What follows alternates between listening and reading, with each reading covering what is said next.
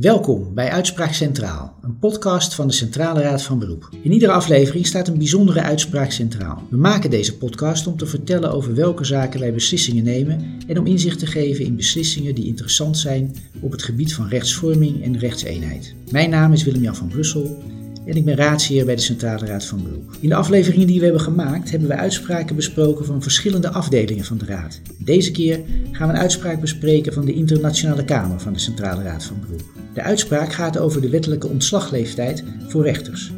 Een kwestie dus met internationaal rechtelijke aspecten. De vindplaats van de uitspraak staat in de omschrijving van de podcast. Ik ga over de uitspraak in gesprek met Monique van Moorst, gerechtsauditeur bij de Raad en bij de Internationale Kamer. Welkom Monique. Dankjewel. Om te beginnen uh, met de Internationale Kamer van de Raad. Wat is dat? Nou, de Internationale Kamer is een team van rechters en juridische medewerkers uh, binnen de Centrale Raad van Beroep. En dat team speelt een centrale rol uh, bij de behandeling van en advisering over internationale zaken binnen de Raad. ja, wij zijn eigenlijk al begin jaren negentig opgericht omdat er binnen de Raad behoefte was aan ja, een groep van raadsheren en ondersteuners die deskundigheid hadden op het gebied van het internationale recht. Uh, steeds vaker werd een beroep gedaan uh, op internationaal recht en op die manier konden wij ook beter de rechtseenheid bewaken en de rechtsontwikkeling bevorderen binnen de Raad. Dus daar werken specialisten op dat gebied? Ja. En wat voor zaken worden daar behandeld? Nou, um, er wordt veel al een beroep gedaan op de mensenrechten en sociale grondrechten. En bij de mensenrechten denk ik even in de eerste plaats aan het Europees Verdrag voor de Rechten van de Mens en de Fundamentele Vrijheden, het EVRM. Uh, bijvoorbeeld op het recht op privé en gezinsleven, bescherming daarvan en uh, privacy, het recht op het eerlijk proces, vrijheid van godsdienst en uh, bescherming van eigendomsrechten komt ook heel veel voor, zeker sinds het Hof een uitkering ook een eigendomsrecht heeft genoemd en gevonden. en het verbod van discriminatie, uiteraard. Zoals in deze zaak. Zoals in deze zaak, ja. Spreken. ja. ja. Verder uh, ja, zijn er VN-verdragen die de rechten van het kind, de rechten van vrouwen en de rechten van gehandicapten beschermen, die ook veel voorkomen. En de minimumnormverdragen van de Internationale Arbeidsorganisatie. Evenals bilaterale verdragen tussen Nederland en, uh, en andere lidstaten. En ja, zoals ook hier Europese regelgeving die verband houdt met onze zaken, daar hebben we ook veel mee te maken. De regelgeving is erg complex. Zo zijn er Europese verdragen waarbij het vrij verkeer van Unieburgers, werknemers en diensten een grote rol speelt en het handvest van de Europese Unie. Uh, associatieverdragen met bijvoorbeeld Turkije en Marokko. En uh, ja, verordeningen, zoals de verordening 883-2004, die de sociale zekerheidsregelingen tussen de lidstaten coördineert. En diverse richtlijnen, zoals in deze uitspraak ook aan de orde is. Goed, gaan we het over de uitspraak hebben. Um, Waar ging het over in deze uitspraak? Het ging om een rechter, die eerst rechter was en later rechter-plaatsvervanger in de rechtbank Amsterdam. En aan hem werd per 1 januari 2020 eervol ontslag verleend uit zijn ambt van rechter-plaatsvervanger, omdat hij de wettelijke leeftijdsgrens van 70 jaar had bereikt. En uh, hij is het niet eens met dit ontslag. Hij wilde nog niet met pensioen, hij wilde nog heel graag doorwerken na zijn 70ste. En hij is van mening dat er geen verplichte ontslagleeftijd voor rechters uh, moet zijn en in ieder geval niet voor rechterplaatsvervangers. En hij vindt dat hij door de toepassing van die leeftijdsgrens gediscrimineerd wordt. Nu was het een rechter-plaatsvervanger. Uh, ja, dat is een gewone rechter ook, ja. uh, net als alle andere rechters. Alleen rechterplaatsvervangers, dat zijn rechters die niet als hoofdbetrekking rechter zijn, maar ofwel daarnaast uh, een andere functie hebben, ofwel zoals in dit geval iemand die uh, rechter is geweest en na pensionering nog als rechterplaatsvervanger doorgaat. Ja. Maar dus wel een gewone rechter. Ja. Um, nou, in, de, in, de, Nederlandse grondwet staat dat een rechter uh, bij het bereiken van een bepaalde leeftijd kan worden ontslagen. En in de rechtspositieregeling, de wettelijke rechtspositieregeling voor rechters, staat dat die ontslagleeftijd op 70 jaar is gesteld. Je vertelde, nou, de rechter voert aan dat dat een verboden onderscheid naar leeftijd is en doet een beroep op normen van internationaal recht. En welke normen spelen er dan in deze zaak? Ja, volgens de rechter is het leeftijdsontslag uh, onder meer in strijd met artikel 14 van het EVRM, het discriminatieverbod wat in die bepaling is neergelegd. En ook met het handvest van de grondrechten van de Europese Unie. En met het verbod op leeftijdsdiscriminatie neergelegd in richtlijn 2078 richtlijn die tot doel heeft de bescherming tegen discriminatie in arbeid en beroep. Dus een richtlijn die van belang is in het domein van, uh, van de ambtenarenzaken die wij ook uh, doen. En uh, ja, dit is de meest specifieke regelgeving qua discriminatie eigenlijk voor deze casus. En ehm, omdat ook uh, de discriminatieverboden in de andere verdragsbepalingen geen verdergaande bescherming bieden, heeft de Raad besloten om aan het Unirecht te toetsen. Ja, dus zich geconcentreerd op het Unirecht. En wat houdt dat Unirecht voor deze zaak in? Nou ja, het beginsel van non-discriminatie op grond van leeftijd is een algemeen beginsel van Unirecht, is geconcretiseerd in die richtlijn 2078.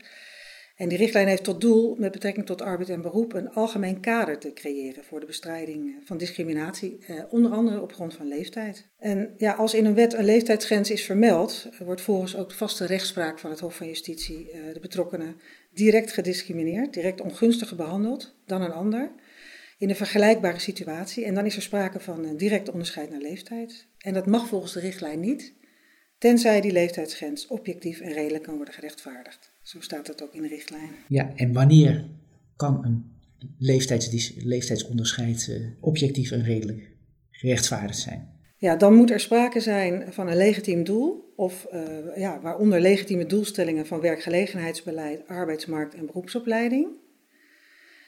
En uh, voor het bereiken van die doelstellingen moeten de middelen die daartoe gebruikt worden, dus in dit geval uh, de leeftijd, het leeftijdsonderscheid, passend en noodzakelijk zijn. Ja, dus ook jurisprudentie van het Hof, hoe, die, hoe dat dan moet worden beoordeeld. wat houdt die jurisprudentie in? Nou, de jurisprudentie van het Hof houdt in dat de nationale overheid een, een ruime beoordelingsvrijheid heeft. Niet alleen bij het bepalen van de doelstellingen van sociaal en werkgelegenheidsbeleid, die ze willen nastreven, maar ook bij het bepalen van de maatregelen die nodig zijn om die doelstellingen te bereiken. En ja, die maatregelen moeten passend en noodzakelijk zijn. Uh, passend betekent niet onredelijk of ongeschikt. En noodzakelijk betekent dat er een belangenafweging moet worden gemaakt, waarbij de belangen van de werknemers niet buitensporig uh, mogen worden geschaad. En de nationale rechter uh, heeft ook een ruime beoordelingsmarge om dit te toetsen. Dus eigenlijk een soort terughoudende toetsing van de rechter of sprake is van objectieve en redelijke rechtvaardiging voor het verschil in behandeling. Ja, in de uitspraak wordt uh, verwezen naar uh, verschillende arresten van het Hof van Justitie. In bijlagen bij de uitspraak staan ook de vindplaatsen voor, van die uitspraken. Dus iedereen die ja. geïnteresseerd is, kan die arresten op die manier terugvinden. Uh, ja, hoe vindt de toetsing uh, in dit geval door de Raad nu plaats aan dat internationaal recht? Nou, in de eerste plaats wordt natuurlijk gekeken naar de doelstellingen van de ontslagleeftijd bij 70 jaar. Waar natuurlijk uh, op gewerkt moet worden dat ja, deze leeftijdsgrens al sinds 1932 in de wet is vermeld. Uh, en de vraag daarbij is of die doelstellingen ook nu nog legitiem zijn. Wat zijn die doelstellingen? Ja, de eerste doelstelling is het bevorderen van de doorstroming binnen de rechterlijke organisatie. Dus een arbeidsmarktoverweging. Rechters worden voor het leven benoemd en is maar een beperkt aantal plaatsen beschikbaar. En de tweede doelstelling is het waarborgen van de onafhankelijkheid van de rechterlijke macht. Nu waren die doelstellingen, eh, de legitimiteit daarvan, die waren op zich niet in geschil. Nee, de rechter bestreed die doelstellingen nee. niet. Wel voerde hij aan dat hij uh, anders werd behandeld, wordt behandeld dan andere juridische beroepsgroepen. Ja, dat was een van zijn argumenten. Uh, Juristen in andere beroepsgroepen kunnen vaak wel langer dan 70 jaar doorwerken. En uh, daarvan heeft de Raad gezegd dat uh, leden van bepaalde juridische beroepsgroepen waarvoor de leeftijdsgrens niet geldt, niet in een met rechters vergelijkbare positie zitten. Uh, ze zijn geen onafhankelijk rechtelijk ambtenaar bijvoorbeeld. En de doelstelling om de rechtelijke onafhankelijkheid te waarborgen geldt dan ook voor die groep niet. En voor advocaten uh, waarmee eh, de rechter zich ook heeft willen vergelijken, geldt daarnaast dat zij niet zijn aangesteld door de overheid. Uh, zodat ten opzichte van hen de doelstelling van arbeidsmarktbeleid ook niet geldt. En het, in zoverre zijn ook advocaten niet vergelijkbaar met rechters. Dus speelt de discriminatie niet. Dus geen ongelijke behandeling. Nee.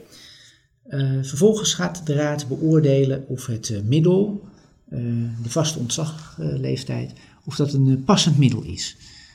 Hoe valt die beoordeling uit? Ja, is het een passend middel om de genoemde doelstellingen te bereiken? Uh, een van de doelstellingen was de doorstroming. Um, nou ja, met deze ontslagleeftijd komen functies beschikbaar voor andere jongere rechtelijke ambtenaren. En rechters worden voor het leven benoemd en er is ook maar een beperkt aantal plekken beschikbaar. Uh, vaste ontslagleeftijd is een niet onredelijk middel om de werkgelegenheid op billijke wijze tussen de generaties te verdelen, uh, zegt de Raad ook, overweegt de Raad. En er ontstaat uh, ja, diversiteit in de personeelsopbouw, uh, wat ook weer bijdraagt aan de kwaliteit voor de rechtspraak. Ja, en door een vaste ontslagleeftijd uh, is het vertrek van rechtelijk ambtenaren ook voorzienbaar, zodat ook tijdig voor opvolging kan worden gezorgd en, gezorgd. En dat is ook van belang om deze doelstelling te bereiken. En ja, deze maatregel draagt dus duidelijk bij aan de doorstroming. Ja. En dan is er nog een ander punt. Ja, de rechterlijke onafhankelijkheid. Uh, met de vaste ontslagleeftijd uh, wordt voorkomen dat individuele beslissingen moeten worden genomen over het functioneren van oudere rechters.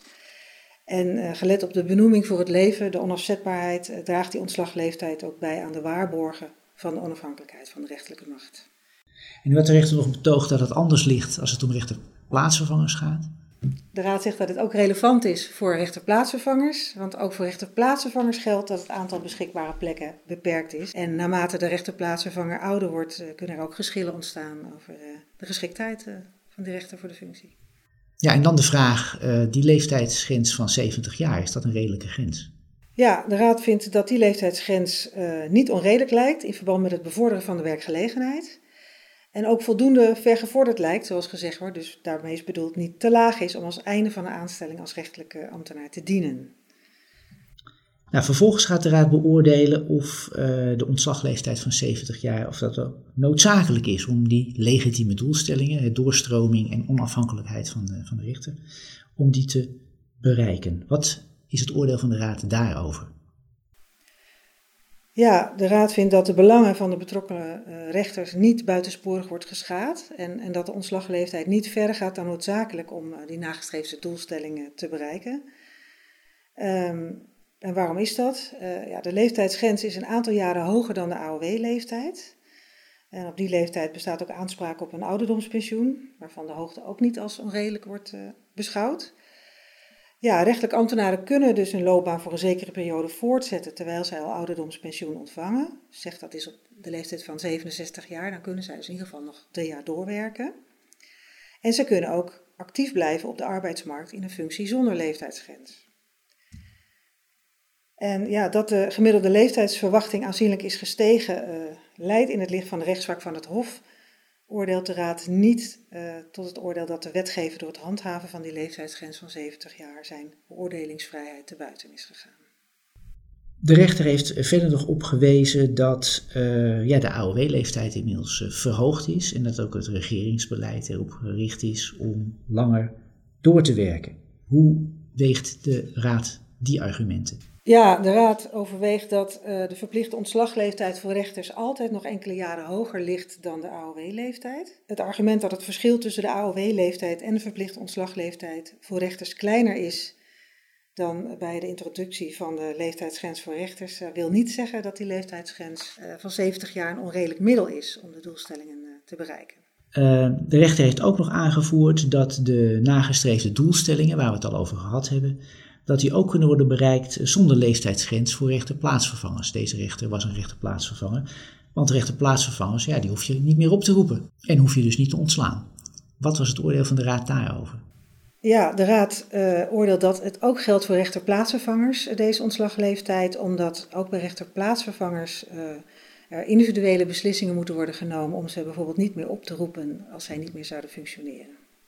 Dus dan zou de onafhankelijkheid in het gedrang komen. Ja, uh, ja, de coronapandemie speelt in deze uitspraak uh, ook nog een rol, want uh, inmiddels was er een, is er een tweede verzamelspoedwet COVID-19, waarin het mogelijk is gemaakt om voorrechte plaatsvervangers om nog drie jaar na hun 70ste, dus tot hun 73ste, door te werken. Ook deze rechter, plaatsvervanger, heeft daar gebruik van gemaakt. Dat was natuurlijk voor hem een argument om te zeggen, ja, die, die leeftijd van 70 leeftijdsgrens van 70 jaar, die is helemaal niet zo hard.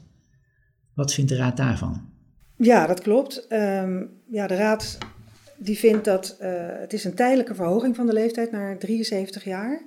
En die vindt dat uh, niet gezegd kan worden dat de leeftijdsgrens van 70 jaar niet meer actueel is en niet langer kan worden gehandhaafd. Het doel uh, van die tijdelijke benoeming van die rechterplaatsvervangers die al 70 zijn, is specifiek gericht op het tijdelijk verhogen zegt de Raad, van de capaciteit die nodig is om achterstanden in te lopen. Die zijn ontstaan door de uitbraak van COVID-19.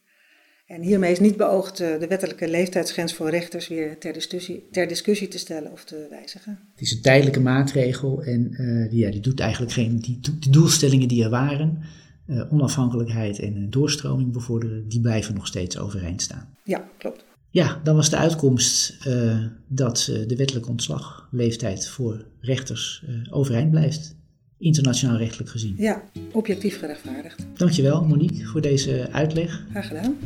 Dit was Uitspraak Centraal voor deze maand. Over twee maanden een nieuwe aflevering met een nieuwe gast en een nieuwe uitspraak. De productie van de podcast wordt verzorgd door Mariska van der Veen en de muziekjes van onze eigen Bert Weijers. We zijn benieuwd wat je van Uitspraak Centraal vindt. Wat gaat goed en wat kan beter? Laat het ons weten via communicatie.cfvb.rechtspraak.nl. Heb je andere vragen of opmerkingen? Laat het ons weten via mail, Twitter of LinkedIn. Tot de volgende keer.